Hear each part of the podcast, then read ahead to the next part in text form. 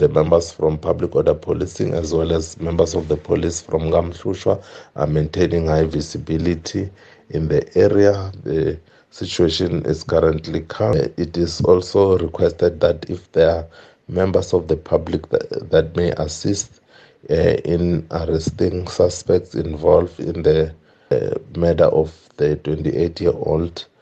or other members that were involved in this torching of houses and other properties to call our crime stop number